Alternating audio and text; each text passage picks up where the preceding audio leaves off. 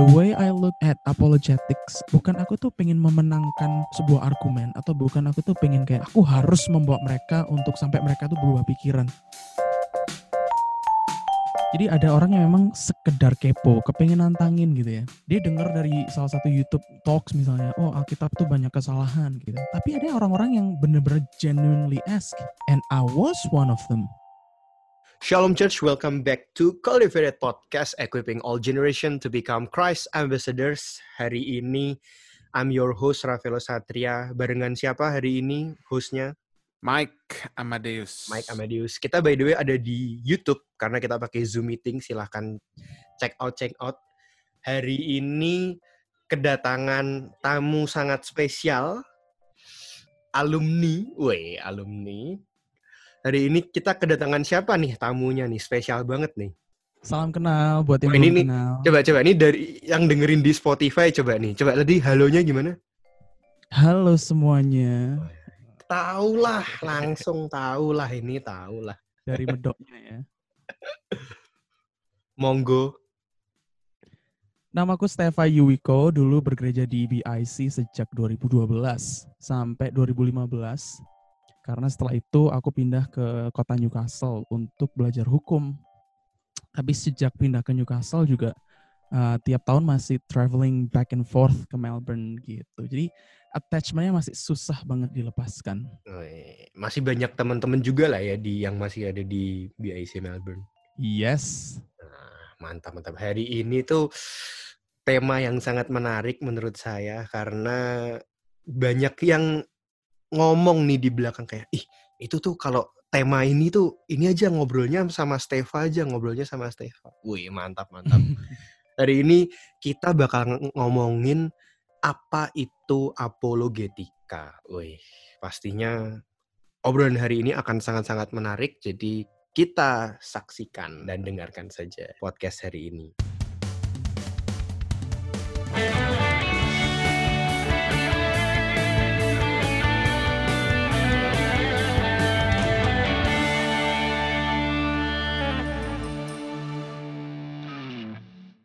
Sebelum ke situ nih, eh mau ini dulu dong, apa kabar? Baikkah? Lagi di Indonesia ya, Stefa ya? yes, lagi di Indo. Uh, ini lagi nunggu aplikasi PR. Jadi teman-teman yang mau bantu doa dipersilahkan karena itu akan sangat berarti buat saya. Amin, amin, amin, amin, amin. Nanti di granted dalam waktunya Tuhan. Amin, amin. Lagi sibuk apa nih atau lagi ada kan Hmm, Stefa hmm. kan juga artis eh, musik. Wah. Selain yang berhubungan dengan hukum, project-project yang relevan untuk topik kita sekarang yaitu aku sedang membuat sebuah library tulisan-tulisan yang pernah aku bikin, ter- pernah aku tulis. Eh, mulai dari dulu pernah bikin Facebook post tentang masalah-masalah sosial, politik dan budaya. Terus sejak tahun 2015 aku eh, pernah menjadi kontributor buat godquestions.org. Wah, Nah, sekarang mantap udah banget. enggak. Waktu itu aku terlibat di em, kebanyakan translate dari yang bahasa Inggris ke bahasa Indonesia. Wih. Tuh, terus selain itu juga lagi bikin eh, catatan-catatan personal di Microsoft OneNote. Jadi goalku secara pribadi adalah untuk nantinya bisa compile ini jadi sebuah tulisan yang komprehensif kemudian dipublish secara online gitu. Kami mendukungmu. Mantap, mantap. Asik, terima kasih. Mantap, mantap, mantap, mantap tenan, mantap tenan. Oke. Oh, jadi eh, li- lagi di Indo sibuknya lagi. Kak, ini a bit a bit di luar topik ya. Kalau lagi Hmm. di Indo gini, misal mau ngomong tentang eh, politik atau atau ya bahkan em, misalnya mau ngomongin yang apologetik gini deh.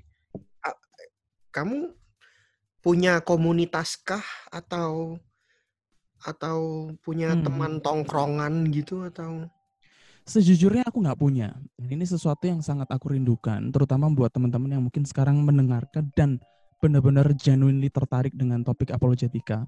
Bisa reach out secara personal ke saya, bisa nggak apa-apa ya boleh Instagram. ya Iya, heeh. tapi sebuah komunitas enggak. Cuman aku pribadi punya teman-teman berdiskusi ketika topiknya uh, relevan di bidang-bidang tertentu gitu. Berarti online malahan ya? Yes, yes. Uh... Oke, okay.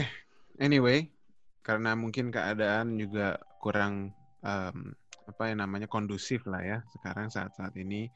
Mungkin kan lagi susah.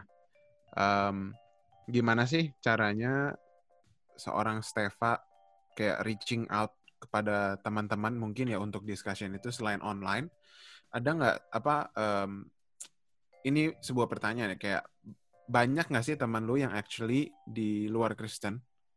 Hmm, hmm. Uh, I do catch up with friends walaupun itu bukan sesuatu yang scheduled. Jadi kalau ada teman-teman yang biasanya kayak ngajak ngobrol juga langsung atau kayak as quick as WhatsApp call gitu. Nah, kalau masalah teman yang unbelievers, kalau definisinya adalah teman-teman yang bukan Kristen atau mungkin Kristen yang beda denominasi atau belum lahir baru gitu ya. Sorry, bukan beda denominasi. denominasi. Banyak banget. Nah, kalau boleh cerita sedikit, mungkin dari waktu kecil tuh um, aku tumbuh besarnya di lingkungan keluarga yang nggak semuanya Kristen. Jadi uh, sebagian dari mama itu denominasinya macam-macam Kristen ya. Ada yang GKI, ada yang Pantai Costa, ada yang um, bahkan mungkin Ortodoks gitu ya. Uh, ada yang Katolik. Nah, sedangkan dari papaku yang cukup menarik tuh malah semuanya uh, Islam. Kecuali keluarga papaku. Jadi actually papaku itu orang salah satu orang pertama yang kemudian pindah ke Kristen uh, dan akhirnya membawa keluarganya juga jadi Kristen. Nah, mungkin nanti lah kalau ada kalau ada waktu kita bisa share lebih lanjut di situ. Um, tapi banyak banget, apalagi waktu SMP dan SMA, aku sekolah di um, public school. Nah, in which mungkin 95% even more itu adalah Muslim. Jadi sejak early on tuh aku memang tumbuh besarnya dikelilingin oleh orang-orang yang non Christians. Hmm, menarik, menarik. Oke. Okay. Hmm. Oke, untuk mewakili mungkin banyak orang-orang yang mulai sudah bertanya-tanya ya dengan tadi jargon yang udah disebut sama Rafaelo. Kita kan bahas hari ini tuh tentang apologetika. Nah, untuk mewakili pertanyaan itu dari mungkin banyak orang-orang dan listeners, apologetics atau apologetika itu sebenarnya apa sih? Sebelum aku ke sana nih, nah buat kalian berdua nih, ini memang melanggar aturan ya, tapi kalian sendiri on the scale of 1 to 10 seberapa familiar sama sama terms apologetics? 1 to 10 nih. Waduh, waduh, waduh. Hmm. Aduh, ditanyain dosen ini. Takut sekali. Santai, tujuh kan? Tujuh. setengah. Hmm. Tujuh setengah. Tujuh setengah. Kalau Mike? Um, saya tuh baru interested di dalam dunia apologetika ini recently ya mungkin karena ada pandemi juga yang membuat saya jadi lebih rindu lagi tahu tentang firman Tuhan dan comes um, ya of course dengan sources yang ada um, kayak istilahnya stumble upon apologetics gitu. Jadi kalau dibilang tahu banget enggak, tapi kalau dibilang enggak tahu juga enggak. Ya sama lah tujuh lah sama Rafaelo kira-kira. Hmm, hmm, hmm. Oke, oke. ada dua approach nih untuk menjelaskan apologetika. Satu bisa dibilang detail tapi boring. Atau yang kedua, penuh dengan contoh tapi sebenarnya isinya nggak ada. Jadi aku berusaha di tengah menjelaskan tentang dunia apologetika. Nah, kalau kalian udah bisa bilang apologetikanya di atas 5, maka pasti familiar sama 1 Petrus 3 ayat 15 dong ya.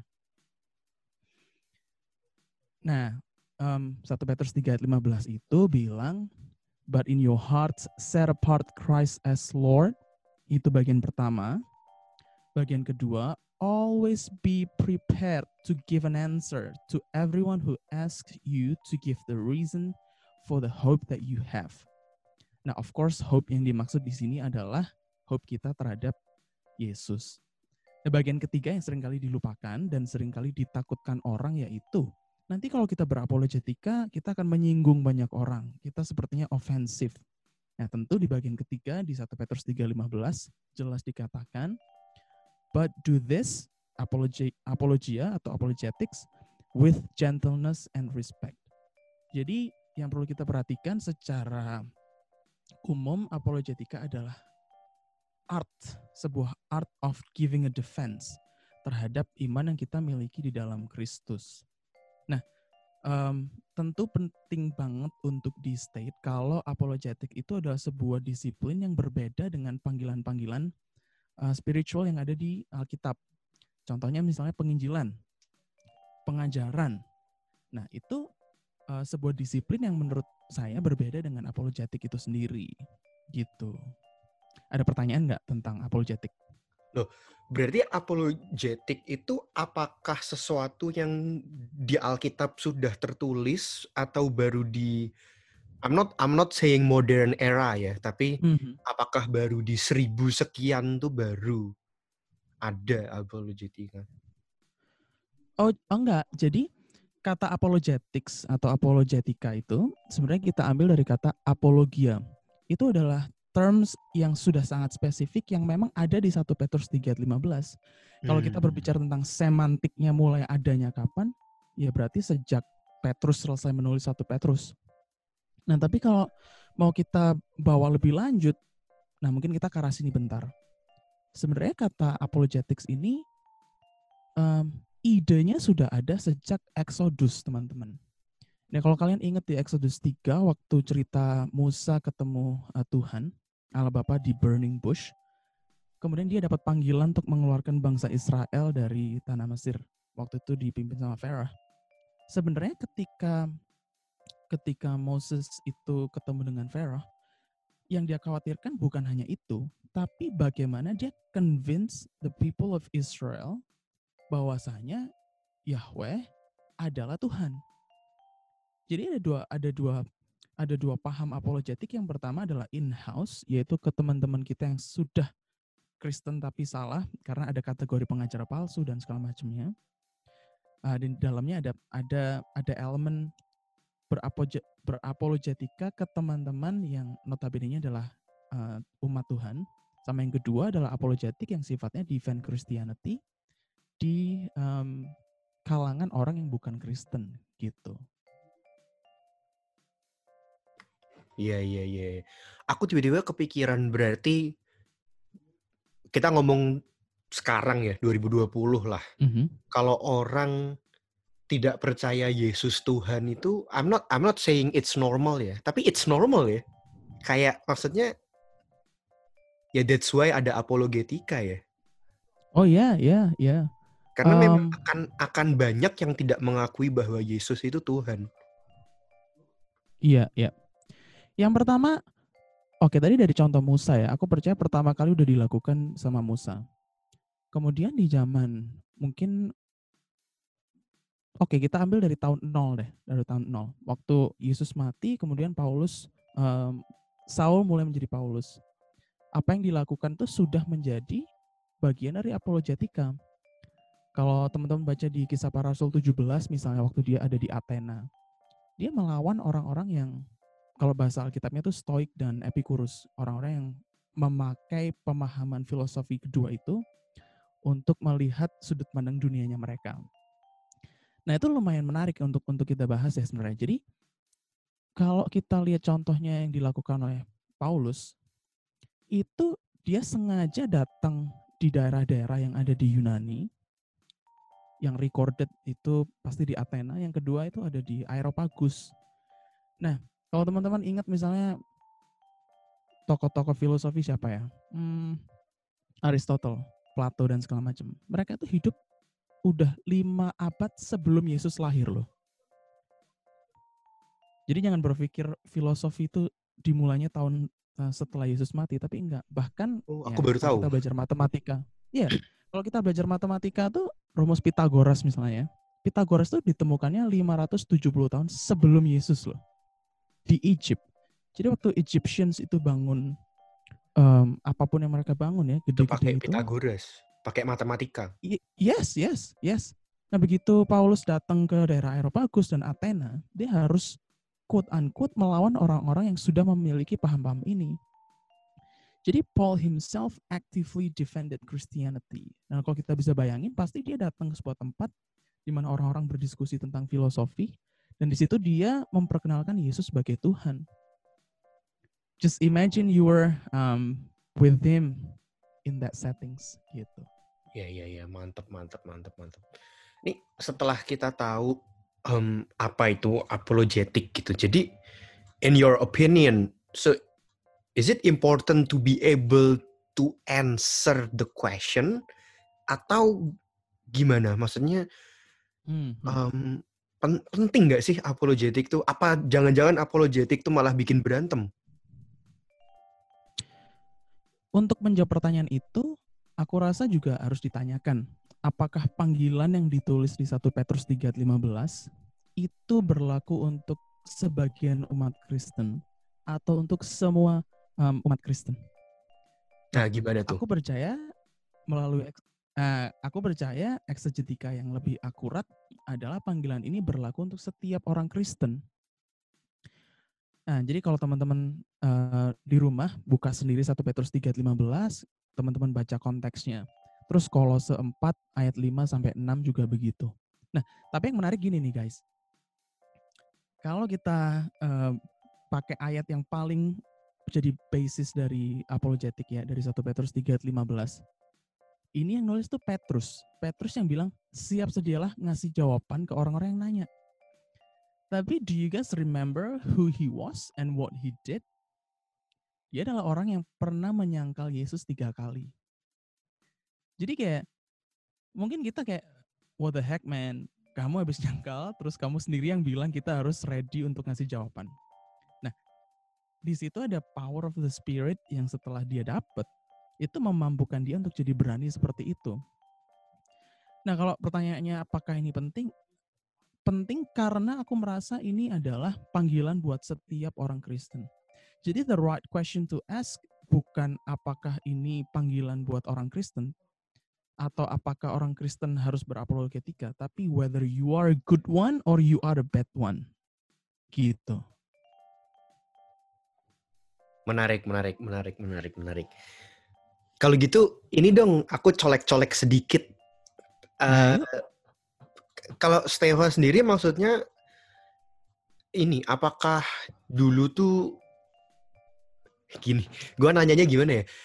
Uh, apakah Stewa ini tuh pinter dulu baru berapologetika karena iya dong ap, seorang apologetics harus pasti harus baca dong kalau enggak kan dia tidak tahu konteksnya dia tidak bisa menjawab seperti itu kan jadi yeah. Stefa ini pinter dulu baru berapologetika atau atau maksudnya gini loh, yang yang men-trigger tuh apakah memang misalnya ya background keluarga tuh memang satu keluarga itu kritis semua misalnya. Ini nggak bisa bisa di-share mm -hmm. dulu tuh punya apakah punya story yang menarik juga mungkin regarding ini atau atau gimana? Iya, yeah, iya. Yeah. story yang menarik mungkin. Iya. Yeah. Kalau mau dimulai dari satu cerita yang menarik, masih teringat um, I have a vivid memory waktu SD waktu SD itu aku lagi main bola sama temen-temen. Kemudian ada satu anak yang aku tahu dia juga juga melakukan itu juga dengan tidak pemahaman atau mungkin maksud menyerang ya. Tapi dia bilang kayak, oh apaan orang Kristen kok nyembah manusia gitu. Nah it got me thinking. Karena waktu itu setiap minggu harus datang sekolah minggu, harus mengorbankan nonton Doraemon ya kan. Sama Power Ranger sama Power Ranger. Yo, bos. Aku harus datang ke gereja dan melakukan itu semua. Kenapa aku harus menyembah manusia gitu?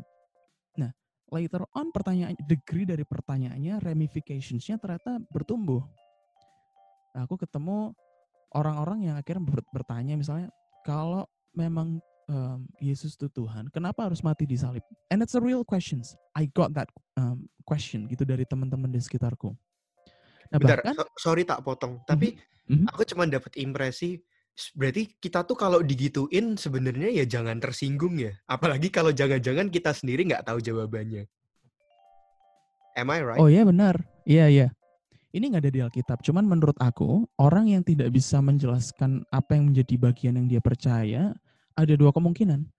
Satu, dia tidak benar-benar paham apa yang dia percayai. Nomor dua, dia tidak benar-benar percaya apa yang dia percayai. Nah, itulah kenapa uh, belajar untuk mengartikulasikan setiap jawaban dari pertanyaan-pertanyaan yang ada di luar sana itu penting.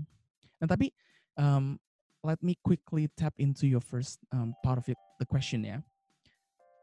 Enggak, aku tidak mungkin pinter dulu, ready dulu, baru terus terjun di dunia apologetika. Enggak. Itu bertahap dan ada journey-nya. Pertama misalnya waktu ketemu, jadi pertama very early on tuh pasti aku belajar tentang Islam. Dari satu pertanyaan ke pertanyaan yang lain, akhirnya ada library yang aku build sendiri. Aku juga pasti belajar dari orang-orang yang experts di bidangnya.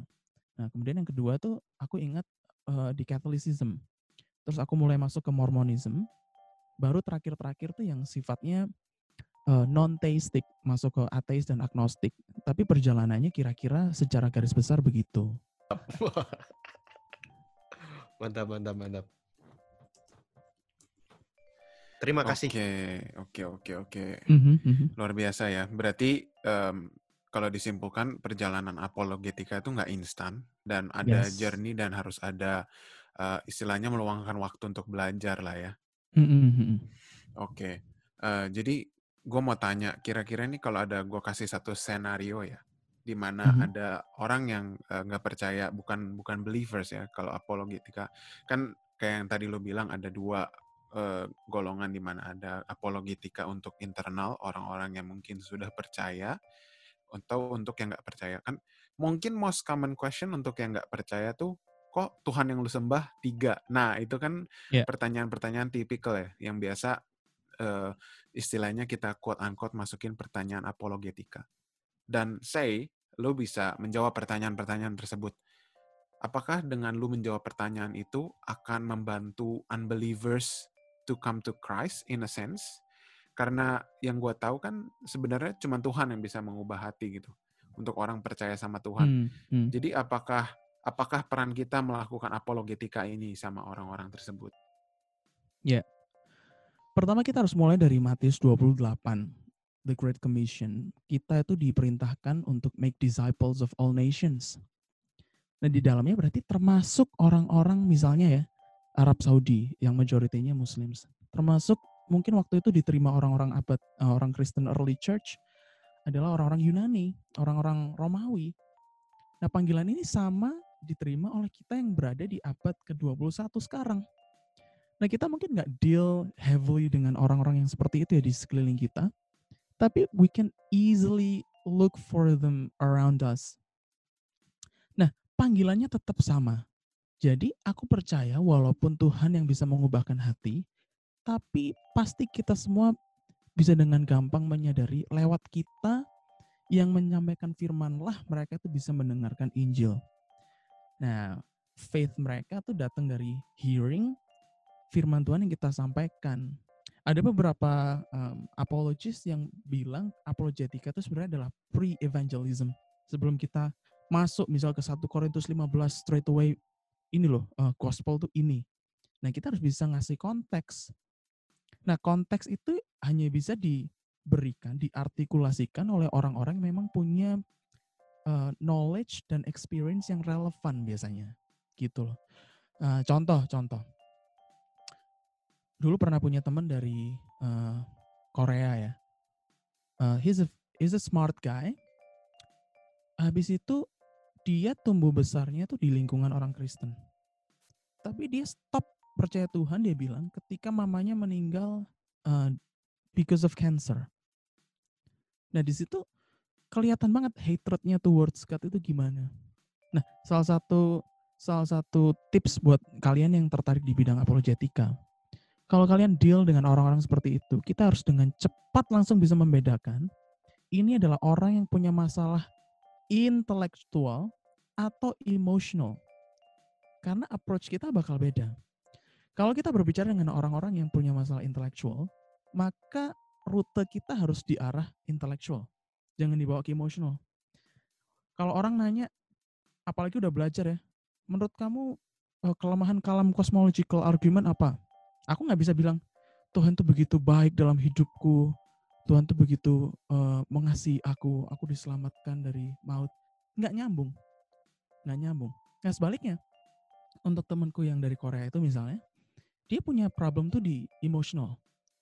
Waktu dia bilang, aku aku benci sama Tuhan karena mamaku meninggal. cancer gitu ya. Karena dia begitu dekat dengan mamanya. Kalau argumenku adalah enggak semua yang dilakukan Tuhan tuh ada purpose-nya. Tuhan tuh adalah Allah yang berdaulat, kita harus menyerahkan hidup kita sepenuhnya buat Tuhan. I don't think it's relevant. Jadi the relevance of the informations yang kita articulate ke orang-orang yang mendengarkan itu matters. Dan lewat itulah Tuhan tuh bekerja di hati dan pemikiran mereka.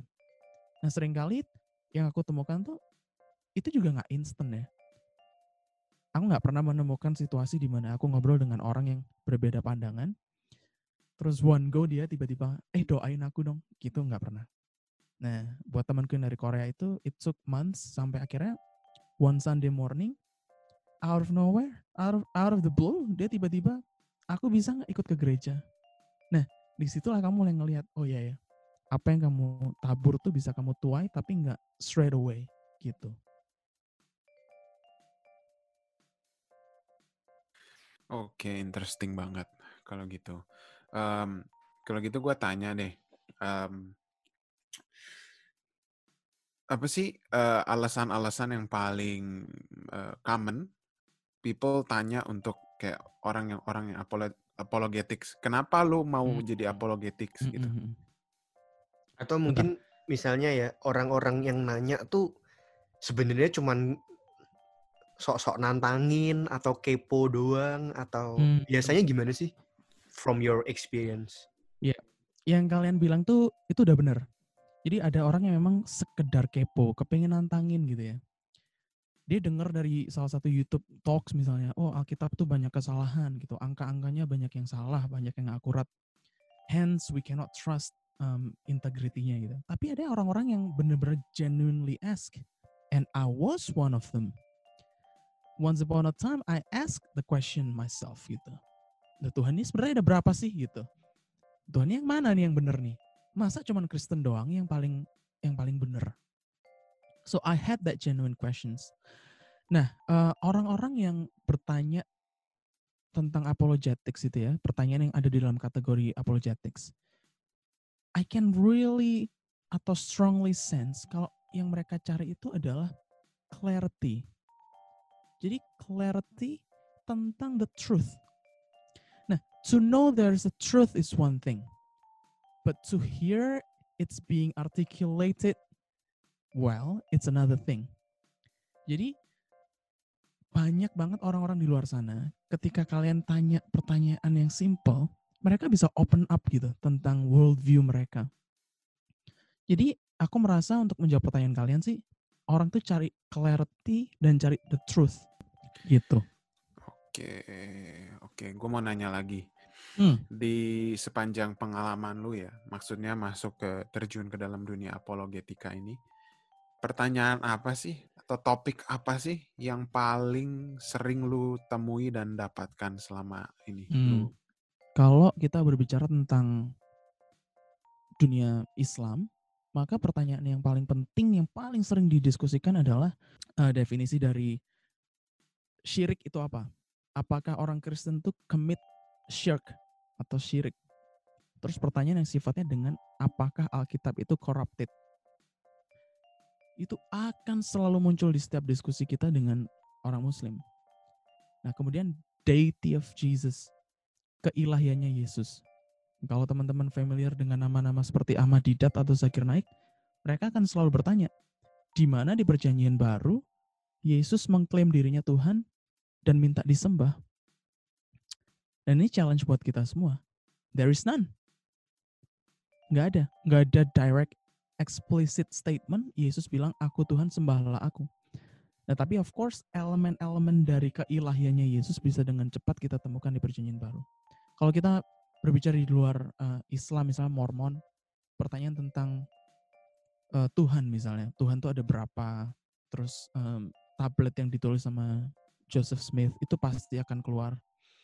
Uh, diskusi tentang Yohanes 1 itu pasti keluar. Kalau kita ngomong sama orang Katolik pasti salvation um, itu faith only atau save plus work pasti keluar. Baptism, apakah baptism itu penting untuk salvation?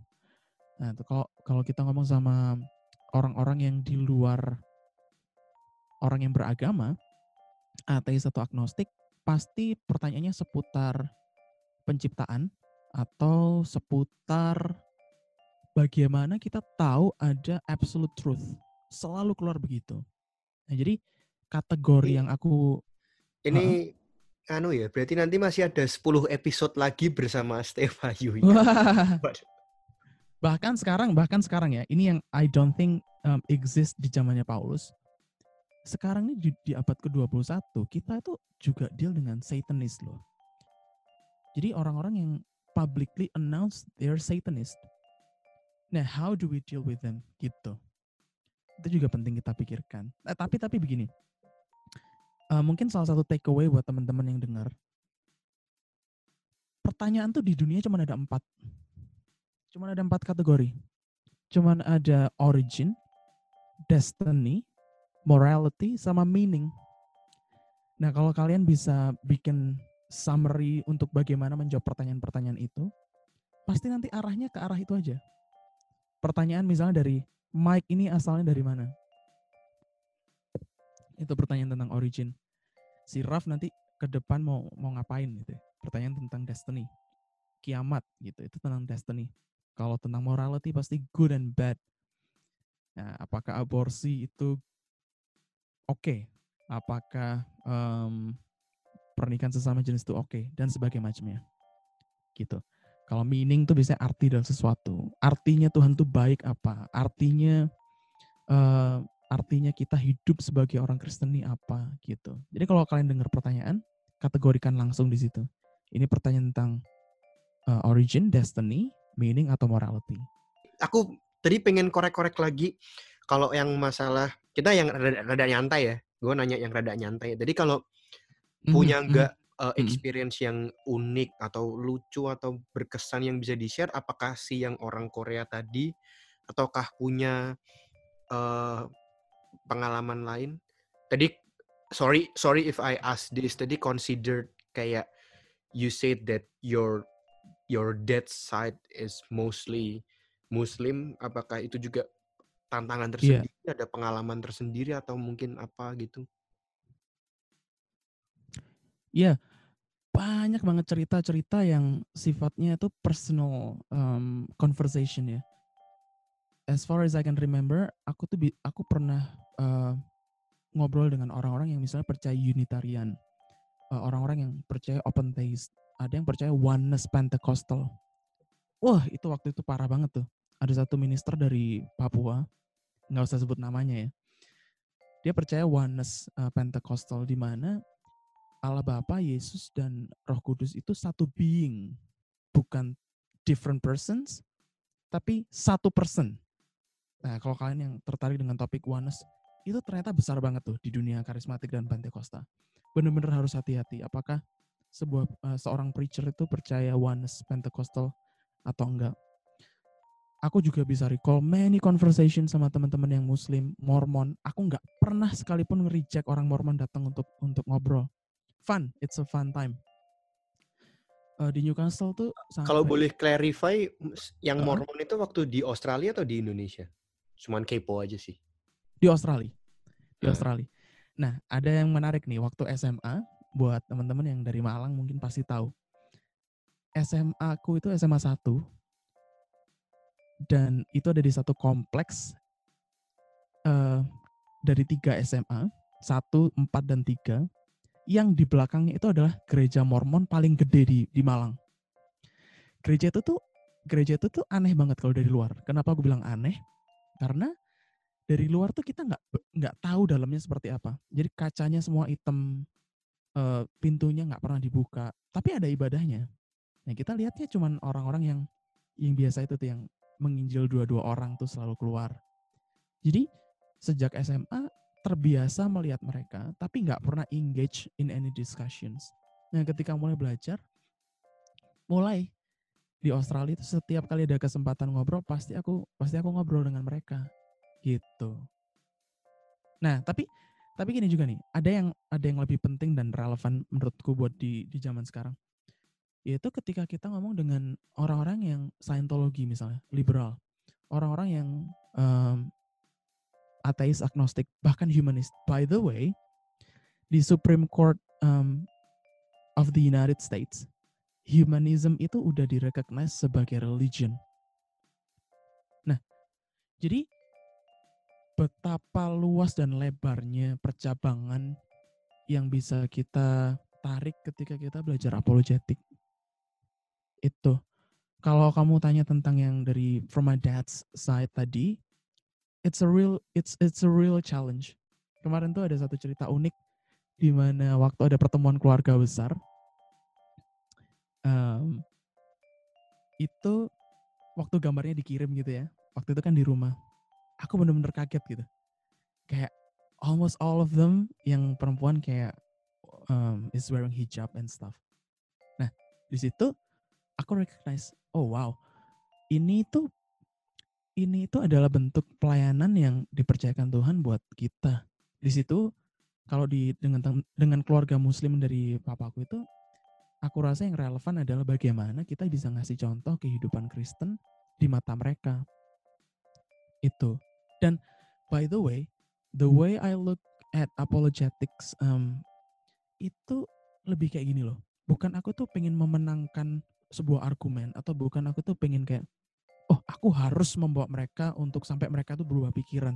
Tapi tapi lebih seperti ini loh. Kita tuh dipanggil untuk mengasihi setiap orang.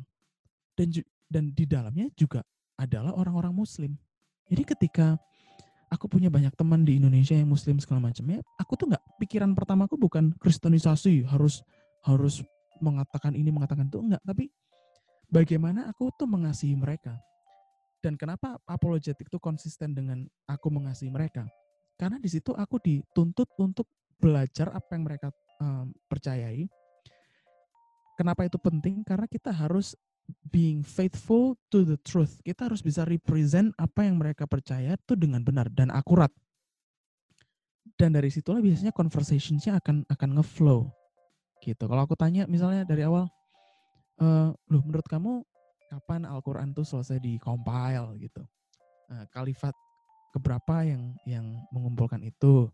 Mereka-mereka yang tahu kita benar-benar belajar agama mereka bisa lebih respect ke kita ternyata. Nah itu membuktikan bahwasanya ketakutan kita dalam berapologetika itu sebenarnya tidak terjadi. Justru orang di luar sana akan menghargai kita dengan mudah bisa berkomunikasi dengan kita kalau kita belajar apologetik. Gitu, Raf. Jangan jangan sampai tadi aku suka sih uh, yang what you said. Jangan sampai apologetika dipakai sebagai uh kristenisasi, uh, kayak menggunakan menggunakan kedok menginjil tapi bawaannya pengen dikit-dikit kristenisasi terus malah jatuhnya kayak mengotak-kotakan temen ya padahal hmm, hmm. Tuhan Yesus dibilang friend of sinner kan padahal. Ya ya ya. Dan bahkan tuh begini ya aku bisa mengklaim tumbuh besar di kelilingin orang-orang muslim I never had any bad experience with them. Never.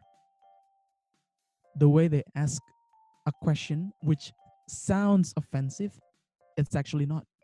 Justru itu adalah opportunity yang bagus kita memperdalam apa yang kita sendiri percayai gitu. Dan satu poin yang penting tadi aku pernah uh, aku udah sebutin belajar mengartikulasikan apa yang kita percaya itu sama pentingnya dengan mempercayai apa yang kita percaya. Buat aku seperti itu. Oke, okay, thank you so much. Terus um, ini untuk kita kita nih orang yang sudah percaya, orang-orang Kristen. Hmm. Apakah kita akan menjadi istilahnya kurang Kristen kalau misalnya gue nggak bisa nih jawab pertanyaan-pertanyaan yang uh, berbau-bau apologetika gitu atau pertanyaan sulit lah kita uh, identifikasikan pertanyaan apologetik dengan uh, pertanyaan sulit apakah gue di consider less Christian? Huh, ini pertanyaan yang susah banget ya. Untuk memahami aku butuh butuh waktu nih. Uh, cuman, um, I don't think so. I don't think so. Kategori kita sebagai Kristen tuh hanya oke okay, kita jadi orang Kristen ketika kita percaya Yesus adalah Tuhan dan Juru Selamat. Nah, degree sebagai orang Kristen ini masalahnya nggak ada di Alkitab. Nah, biasanya ini akan dikategorikan sesuai panggilan ya. Jadi ada orang yang memang terpanggil lebih untuk mempelajari satu bidang dibanding bidang yang lain. Di situ aku percaya fungsi dia di dalam tubuh Kristus secara umum itu berbeda-beda and it's okay. Gitu kita nggak bisa expect misalnya seorang gembala harus bisa mengingat uh, semua teori tentang apologetika gitu ya. I don't think it's possible. I really don't. Um, tapi kalau ada orang Kristen yang berpikir, kalau gitu aku nggak usah belajar apologetika. Then it, it, becomes problematic. Kenapa? Karena 1 Petrus 3:15 dan Kolose 4 itu panggilan yang buat semua orang Kristen. Nah, kalau mau di kalau mau di-expand lebih lanjut misalnya begini, contoh-contoh dari tokoh-tokoh di Alkitab yang kita tahu, terutama di Perjanjian Baru, semuanya berapologetika. Gitu. Jadi um, Will you be a lesser Christian if you don't do it? I don't think so. But please don't think that it's not important. It is hmm. important. It is your calling as a Christian. Oke. Okay. Jadi mungkin encouragement ya buat semua pendengar dan semua audience yang menyaksikan episode ini tentang apologetics bahwa jangan be discouraged karena journey kalian di dalam Kristen itu ya perjalanan bersama Tuhan di dalam iman itu butuh pengenalan akan Tuhan ya pengenalannya dari firman Tuhan. Dan apologetika itu berarti juga panggilan semua orang. Dan jangan be discouraged hmm. kalau ada satu orang yang mungkin punya knowledge-nya jauh lebih tinggi dari kalian atau lebih bisa jawab pertanyaan-pertanyaan sulit karena mereka pun mulai dari titik yang mungkin sama dengan kalian. Oke, oke. Mm -mm, Terima kasih, terima kasih. Seru, seru, seru, seru. Uh, the the following question will be jadi jadi kita tarik tarik kesimpulannya gini. Um, lalu where do I start if I wanna start? Kayak tapi misalnya aku, aku kan sebenarnya kurang suka baca. Mm -hmm. um, jadi my first question is where do I start? Tapi my second question is kalau misalnya aku lebih suka yang kayak mendengar 2020 kan um, internet tinggal Google atau YouTube ya. Kayak do you have any recommendation of yeah. ini misalnya orang-orang atau YouTube YouTube yang yang yang kita bisa dengar, kita bisa belajar? Iya, yeah, iya. Yeah. Oke, pertama-tama ini aku bagi jawabannya dalam kedua kategori ya. Kategori yang pertama itu jawaban formalnya, jawaban rohaninya.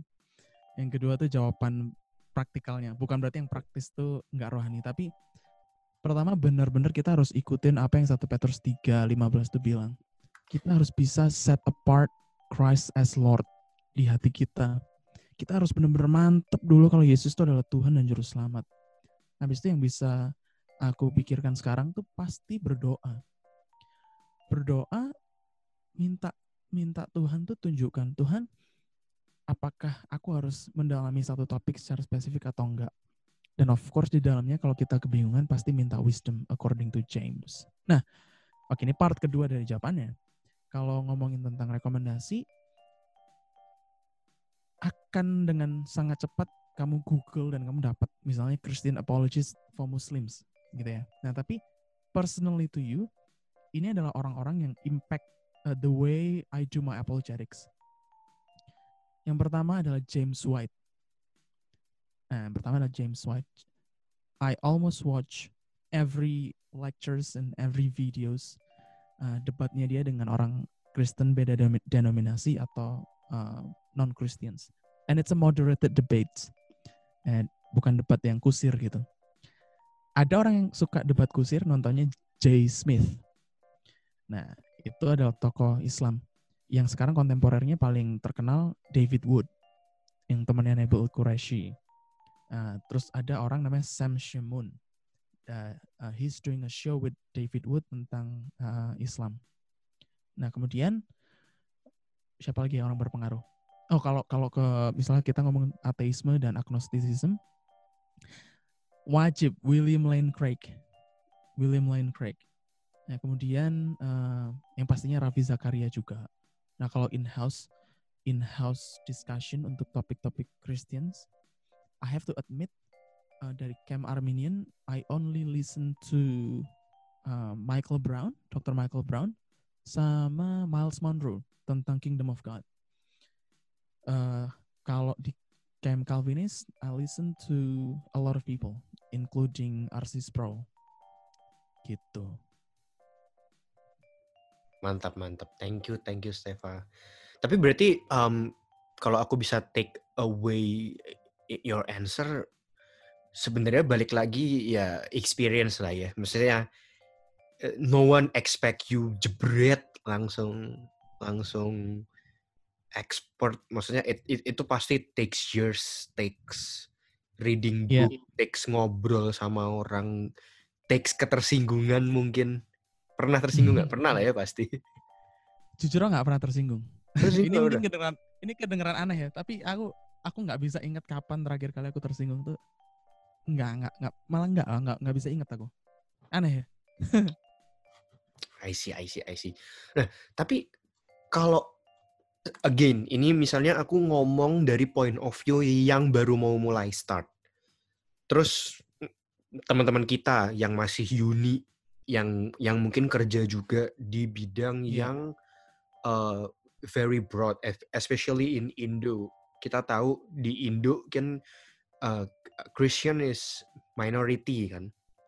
Jadi Mhm. maksudnya kalau yang sudah ada keinginan tapi pas ditanyain orang belum bisa jawab menurutmu jawaban gimana yang paling quote unquote oke gitu maksudnya apakah gimana apakah Iya. nanti dulu ya nanti dulu atau gimana.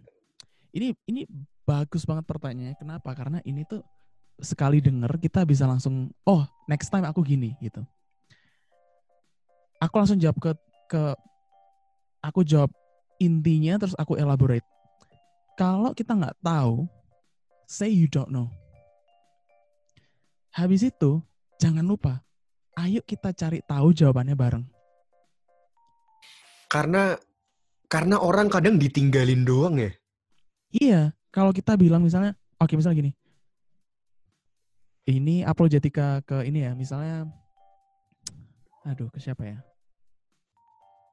Kasih contoh deh, kasih contoh deh. nyembah kaleng Kamu kamu kerupuk pilih. enggak enggak oh itu kaleng kerupuk wah. Lo ada lo ada ada satu filosofi yang terkenal Bertrand Russell. Kalau kalian cari teapot um, teapots arguments, basically dia bilang gimana kita bisa ngebuktiin ada teapot itu mengorbit di matahari atau di bumi. Pertama kita nggak bisa ngelihat teapotnya terlalu kecil dan segala macam. Itu pertanyaan filosofikal yang sifatnya itu mempertanyakan hal yang nggak bisa dibuktikan. Kalau Tuhan nggak nggak ada buktinya, kenapa kita harus percaya? Tapi anyway, anyway, eh, poinku gini.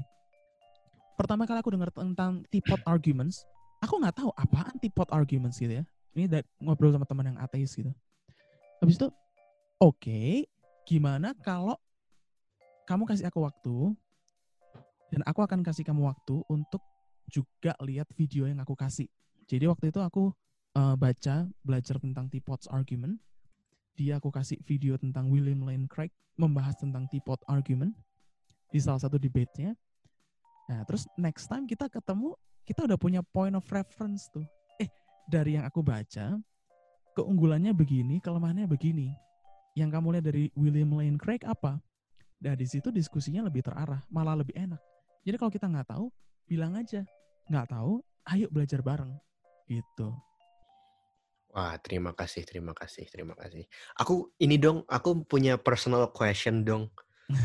Em, kan tadi tadi aku suka yang uh, when you say uh, pertama kamu harus kamu sendiri juga yakin dulu Yesus tuh Tuhan yang kamu sembah gitu. Mhm. Cuman gini, my question is let's let's agree on the same thing bahwa setiap agama pasti eksklusif. Yap. Kayak em, kita yakin kita masuk surga, yang Mhm. sebelah yakin mereka masuk surga. Ya, apa sih yang membedakan kita dengan yang lain lalu? Apakah dengan belajar ataukah dengan oh make sense ya Kristen atau atau gimana maksudnya? Nah ini dari dari narasi yang kamu bilang barusan ada beberapa pertanyaan. Eh, tapi let me respond dua hal. Yang pertama tadi mungkin dari segi um, kenapa. Kristen itu claims exclusivity sebagai agama yang benar. Tapi sebelum itu aku pengen ngomong tentang satu poin kamu tadi ini nih. Hah, apakah itu apakah itu datang dari membaca? Apa naturally comes to you? Karena kita percaya Tuhan, kemudian dapat Holy Spirit, kemudian dapat itu. Nah, pertama kita ingat semua tokoh Alkitab yang dipakai Tuhan mengajar pasti ahli hukum Taurat. Nah, kalau pakai contoh yang yang tak pakai tadi misalnya Paulus ya. Kalian tahu nggak Paulus itu lawyer by the way. Hmm. Jadi Paulus itu adalah orang orang yang termasuk dalam eh, dalam Council of Sanhedrin yang kemudian ketika dia di perjalanan Damaskus ketemu Tuhan, dia bisa dengan dengan cepat gitu ya memahami ternyata yang dimaksud di perjanjian lama ini selama ini mengarah ke Yesus. Yang tadinya dia memper, memper, mempersecute orang. Kristen, kemudian dia jadi orang Kristen. Nah, jangan lupa sebelum dia punya punya eh, pengalaman menginjil, berarti otaknya udah penuh dengan argumen. Yes. Nah itu satu fakta yang kita nggak boleh hilangkan. Berarti Paulus tuh sebelum ke Athena dan segala macam orang yang udah selesai belajar. Nah itu menurutku adalah patterns yang baik buat kita orang Kristen. Ternyata memang dalam kita berapologetika dalam me- mengikut Tuhan, ayatnya bukan berhenti um, love your God with all your hearts, tapi di akhir juga dibilang with all your minds gitu. Jadi pikiran kita juga dipakai dalam kita mengasihi Tuhan. Nah gitu. Jadi em, aku rasa pengetahuan tuh nggak bisa datang secara ajaib em, Roh Kudus tiba-tiba kasih. Justru aku percaya Roh Kudus tuh hanya mengingatkan kita akan apa yang pernah kita baca, apa yang apa yang pernah kita dengar, apa yang pernah kita pelajarin. Sehingga kalau kita nggak pernah belajar, Roh Kudus juga nggak bisa ngingetin apa-apa. Ya ya ya. Nah, ya. kalau dan teman-teman yang nggak setuju, boleh DM ke saya. Nah, Mantap. Em, nah sekarang bagian yang kedua tadi eh, tentang apa tadi ya? Gini eh, ini ini gini deh. Eh pertanyaan pe, pe, per per iniannya tak ga- eh, per iniannya. Per- ilustrasinya tak ganti. Ilustri, ilustrasinya tak Oke. ganti. Misalnya ada orang si A. Terus eh Steva representatif dari dari Christian si B representatif dari whatsoever bla bla bla bla bla. Si A ini kopong nol gitu. Terus menurutmu apa sih yang membuat eh, kalau kalau ini karena kita sepakat dulu kita ini Kristen ya dengan segala hormat ya aku meyakini Christian is right ya. Jadi kan aku Yep. bilang lalu apa sih yang kita tuh menjadi stand out gitu loh. Apakah kasih yang membedakan kita dengan yang lain ataukah make sense yang membedakan kita dengan yang lain ataukah Oke, oke. Eh, a- aku dapat esensi dari pertanyaannya. Yang jelas bukan kasih. Kalau kita ngomongin kasih, menurutku kita kalah dari sisi humanisme dibanding orang-orang humanis atau bahkan misalnya orang Buddha. Kalau kalian tahu betapa orang Buddha itu membangun organisasinya, aduh kalah lah orang Kristen. ini ya katanya katanya COVID kemarin yang nyumbangnya paling gede dari organisasi Buddha ya katanya katanya sih Maybe, maybe. Nah, tapi satu keyword yang buat aku sangat penting, yang menjadi conviction dalam hati dan pikiranku selama ini adalah consistency. Kenapa consistency? Karena inconsistency is a sign of failed argument. Period. Kenapa begitu? Nah, kita Ah, mungkin ini tadi helpful ya. Kita tadi udah bahas tentang empat macam pertanyaan. Konsistensi adalah hal yang menjadi dasar kita mengexamine semua bentuk percabangan yang keluar ketika kita memiliki pertanyaan. Gitu. Jadi buat aku kalau aku setiap kali aku berdiskusi dengan teman-teman yang misalnya beda agama atau beda denominasi, challenge-ku selalu satu. Konsisten nggak within itself. gitu loh. Nah, kalau orang misalnya mempercayai penciptaan itu begini, bisa konsisten nggak defend itself sampai di akhir? Oke, kamu origin of the world-nya begini. Endingnya bagaimana? Data empirisnya ada nggak? Itu juga penting. Nah, um, this could be controversial, tapi for the sake of the truth, I think it's worth um, mentioning. Dan aku rasa teman-teman yang Muslim juga nggak perlu tersinggung karena kita bisa lihat objectivity-nya. Misalnya kalau kita berbicara tentang perbedaan Kristen dengan Islam gitu ya, maka variabel yang bisa kita tambahkan langsung adalah apa? History. Nah kalau kita mau cari misalnya ini atau itu bener nggak gitu, maka standard of testnya kita harus history. Gitu. Jadi tergantung tergantung situasi, tapi keywordsnya adalah worldview mana yang lebih konsisten, worldview mana yang correct according to history, gitu. Thank you, thank you, thank you, thank you. Menjawab pertanyaannya nggak sih? Aku takutnya mengatakan, uh, bagiku, aku kayak bagiku menjawab bikin sih. narasi ini tapi kayak kurang masuk gitu buat Bagi, kamu. bagiku menjawab sih. Hmm. Si Mike diem aja nih. Iya, saya menyimak Pak. Uh, ini namanya mencerna dalam pikiran ini. Oke, okay, thank you so much, Stefa, for coming to Cultivated Podcast. Um, My pleasure. Uh, boleh nggak minta uh, satu paragraf summary dari apa yang sudah kita ngomongin ini tentang apologetika Terus kita mau minta ini dong ayat favoritnya Stefa dan lagu worship favoritnya Stefa. Wih, oke, okay. mesti mikir tuh ya nanti lagu favoritnya. Oke, okay. um, aku nggak akan tutup dengan paragraf, tapi aku akan tutup dengan sebuah statement. Jangan sampai rasa takut kita melakukan apologetika mengalahkan rasa cinta kita buat jiwa-jiwa yang belum mengenal Yesus. Jadi rasa kita mengasihi mereka harus lebih tinggi dibanding rasa takut kita memulai. Rasa takut kita uh bakalan overwhelmed with all the information. Nah, itu statement penutupku. Kalau ayat favorit yang relevan dari diskusi kita selain selain ya selain 1 Petrus 3:15 yaitu Kolose 4 ayat 5 dan 6. Nah, buat kalian silakan dibaca masing-masing. Tapi keywordsnya ada tiga dalam melakukan apologetik. Satu, be smart. Dua, be nice. Tiga, be tactical. Nah, itu elementsnya ada di Kolose 4. Kalau lagu favorit, Wah, sejujurnya aku nggak punya lagu favorit, tapi aku punya genre favorit. Ya, genre oh, favoritku oh, adalah oh, genre.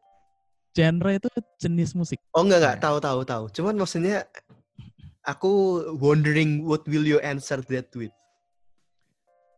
Nah, aku suka banget sama black gospel music.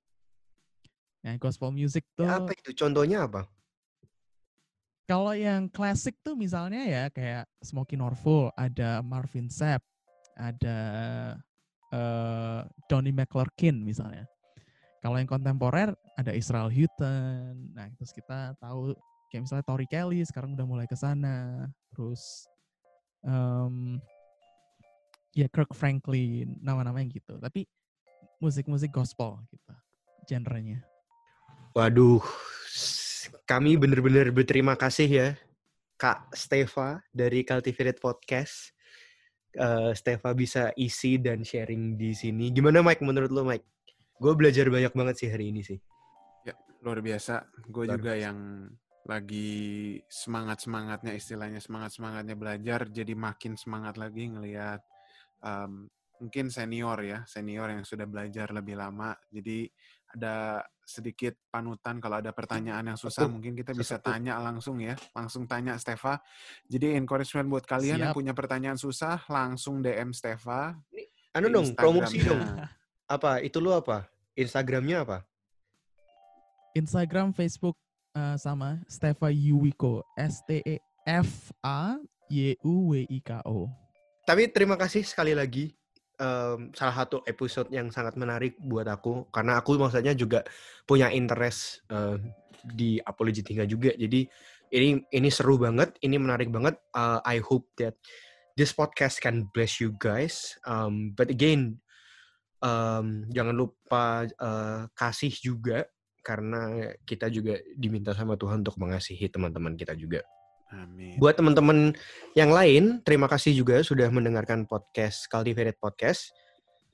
Uh, jangan lupa buat share terus podcast ini kalau kalian pikir podcast ini bisa memberkati teman-teman yang lain.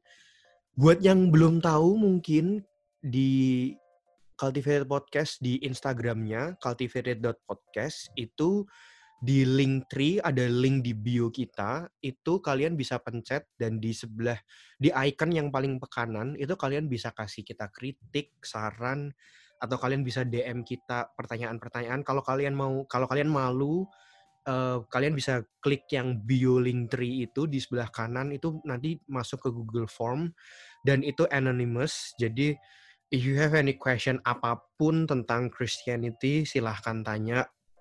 Um, kalau kalian pengen ada topik apa nih yang menarik next bisa dibahas silahkan tanya. Dan sekali lagi kita ada di Spotify dan YouTube dan Instagram dengan nama Cultivated Podcast C U L T I V A T E D uh, podcast. Jadi silahkan di follow dan di subscribe di YouTube. Sekali lagi terima kasih ya buat Stefa sudah mau sama-sama. My pleasure. Thank you mm -hmm. banget udah even consider me untuk jadi uh, guest. God bless you. Saya Rafael Satria dan teman saya Michael Amadeus. kita signing off. Bye bye bye bye bye